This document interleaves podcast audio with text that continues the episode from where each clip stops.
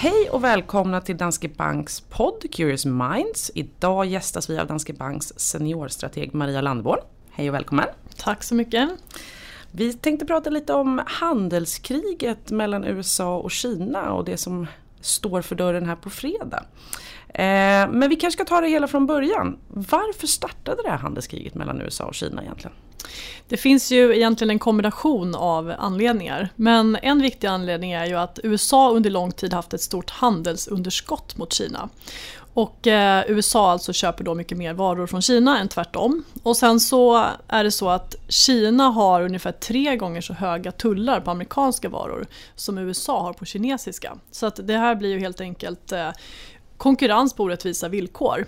Sen har vi ju eh, valutan. Eh, Kina har under lång tid hållit ner värdet på sin egna valuta, yuanen. Också för att öka konkurrenskraften och det blir ju någonstans på andras bekostnad. Sen sist men inte minst så har vi ju hela teknologifrågan där Kina har ägnat sig åt tvångsöverföring av teknologi när utländska företag ska etablera sig i Kina. Eh, man har inte skyddat patent, immateriella rättigheter och det gör att man olagligt då egentligen överför teknologi och kunskap till kinesiska företag. Eh, det här har hållit på ett tag men kan man, eh, kan man se några vinnare eller förlorare på det här handelskriget så här långt?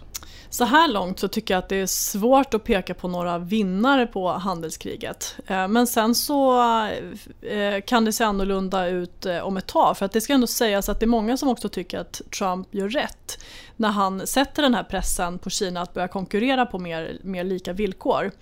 För jag menar, det fanns en tid när Kina var en tillväxtekonomi, eh, precis som många andra och eh, man kanske behövde ha eh, högre tullar till exempel, skydda den egna ekonomin och så vidare. Men så ser det ju inte ut idag. Kina är ju världens näst största ekonomi, man växer betydligt fortare än utvecklade länder och att de ska börja konkurrera på mer lika villkor känns ju på något sätt inte alls lika orimligt. Eh, så att det man ändå kan tänka sig är att när handelsavtalet så småningom är underskrivet så kan det ju gynna oss alla eftersom handelshinder kommer vara lägre än när konflikten bröt ut. Och sen får ju det här också med sig att Kina öppnar upp mer och mer för utländska företag att etablera sig på den kinesiska marknaden till schyssta villkor och utan att behöva ge upp Eh, liksom, kunskap och teknologi till de kinesiska bolagen. Eh, och Kina är ju en jättemarknad med som sagt hög tillväxt, jättepotential så att det här innebär ju också nya möjligheter för eh, alla bolag egentligen. Mm. Okej, det är svårt att hitta vinnare men har, har handelskriget, om vi tittar så här långt då, och strafftullarna påverkat några andra länder än USA och Kina? Eh, europeiska länder till exempel?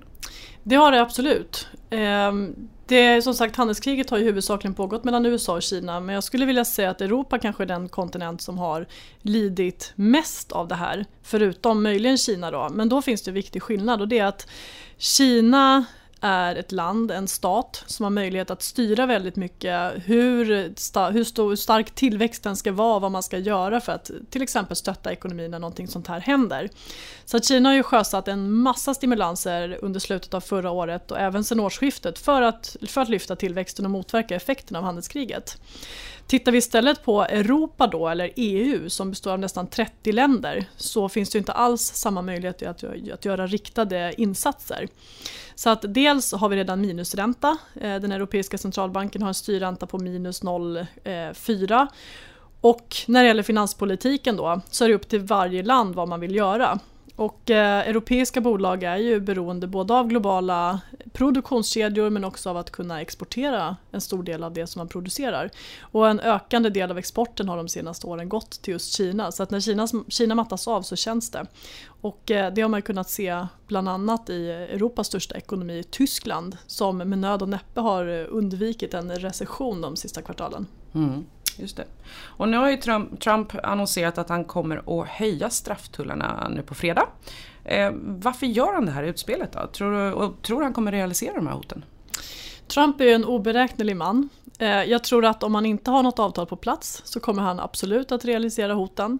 Men förhoppningsvis så handlar det om en förhandlingstaktik och att han vill liksom vrida om tumskruvarna lite grann här i slutskedet för att få Kina att ge med sig lite när det gäller de sista detaljerna i avtalet. För man har sagt att det är till 90% klart vilket betyder då att ungefär 10% bör återstå.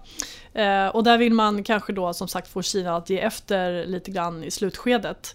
Ehm, nu eh, är det som är positivt det är att den här kinesiska delegationen som ska till Washington åker dit trots Trumps hot. Det hade varit värre om Kina sa att då, då ställer vi in det här eh, och avbryter förhandlingarna.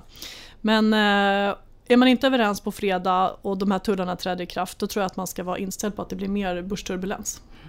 Ja, börsturbulens kan det bli alltså, men hur kan det här eller har det påverkat eh, privatpersoners sparande? Jag tänker på om man har aktier eller fonder i kanske USA eller Kina och sådär.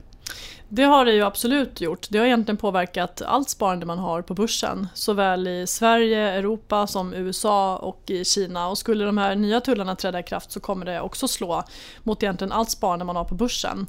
Men faktum är att den marknad som har klarat sig bäst där vi har haft börsturbulens till följd av handelskriget, det är ju USA. Så att, att ha USA-fonder eller till exempel en globalfond med en stor del amerikanska aktier i, det har ju varit kanske det bästa stället att ha pengarna placerade på eh, under den här perioden. Sen tycker jag att man ska inte fokusera så mycket på de här kortsiktiga rörelserna utan man ska ha en bra risknivå i sparandet, någonting som man känner sig bekväm med Även om det blir stormigt på börsen och någonting som man är bekväm med också om börsen går upp så att man känner att man har en bra exponering mot en uppgång. Eh, men bryter handelskriget ut nu då, då blir det större rörelser igen, det är det eh, ingen tvekan om. Vår bild är dock att även om det inte sker den här veckan så kommer det komma ett handelsavtal på plats eh, innan halvårsskiftet, så att egentligen då närmsta en till två månaderna. Och då har vi ju avvärjt ett av de största hoten Eh, som vi har haft mot global tillväxt och mot globala aktier också. Låter positivt, då får vi hoppas på ett handelsavtal som är på plats snart. Det gör vi. Tack så jättemycket för att du var med idag Maria. Tack. Tack. Hej.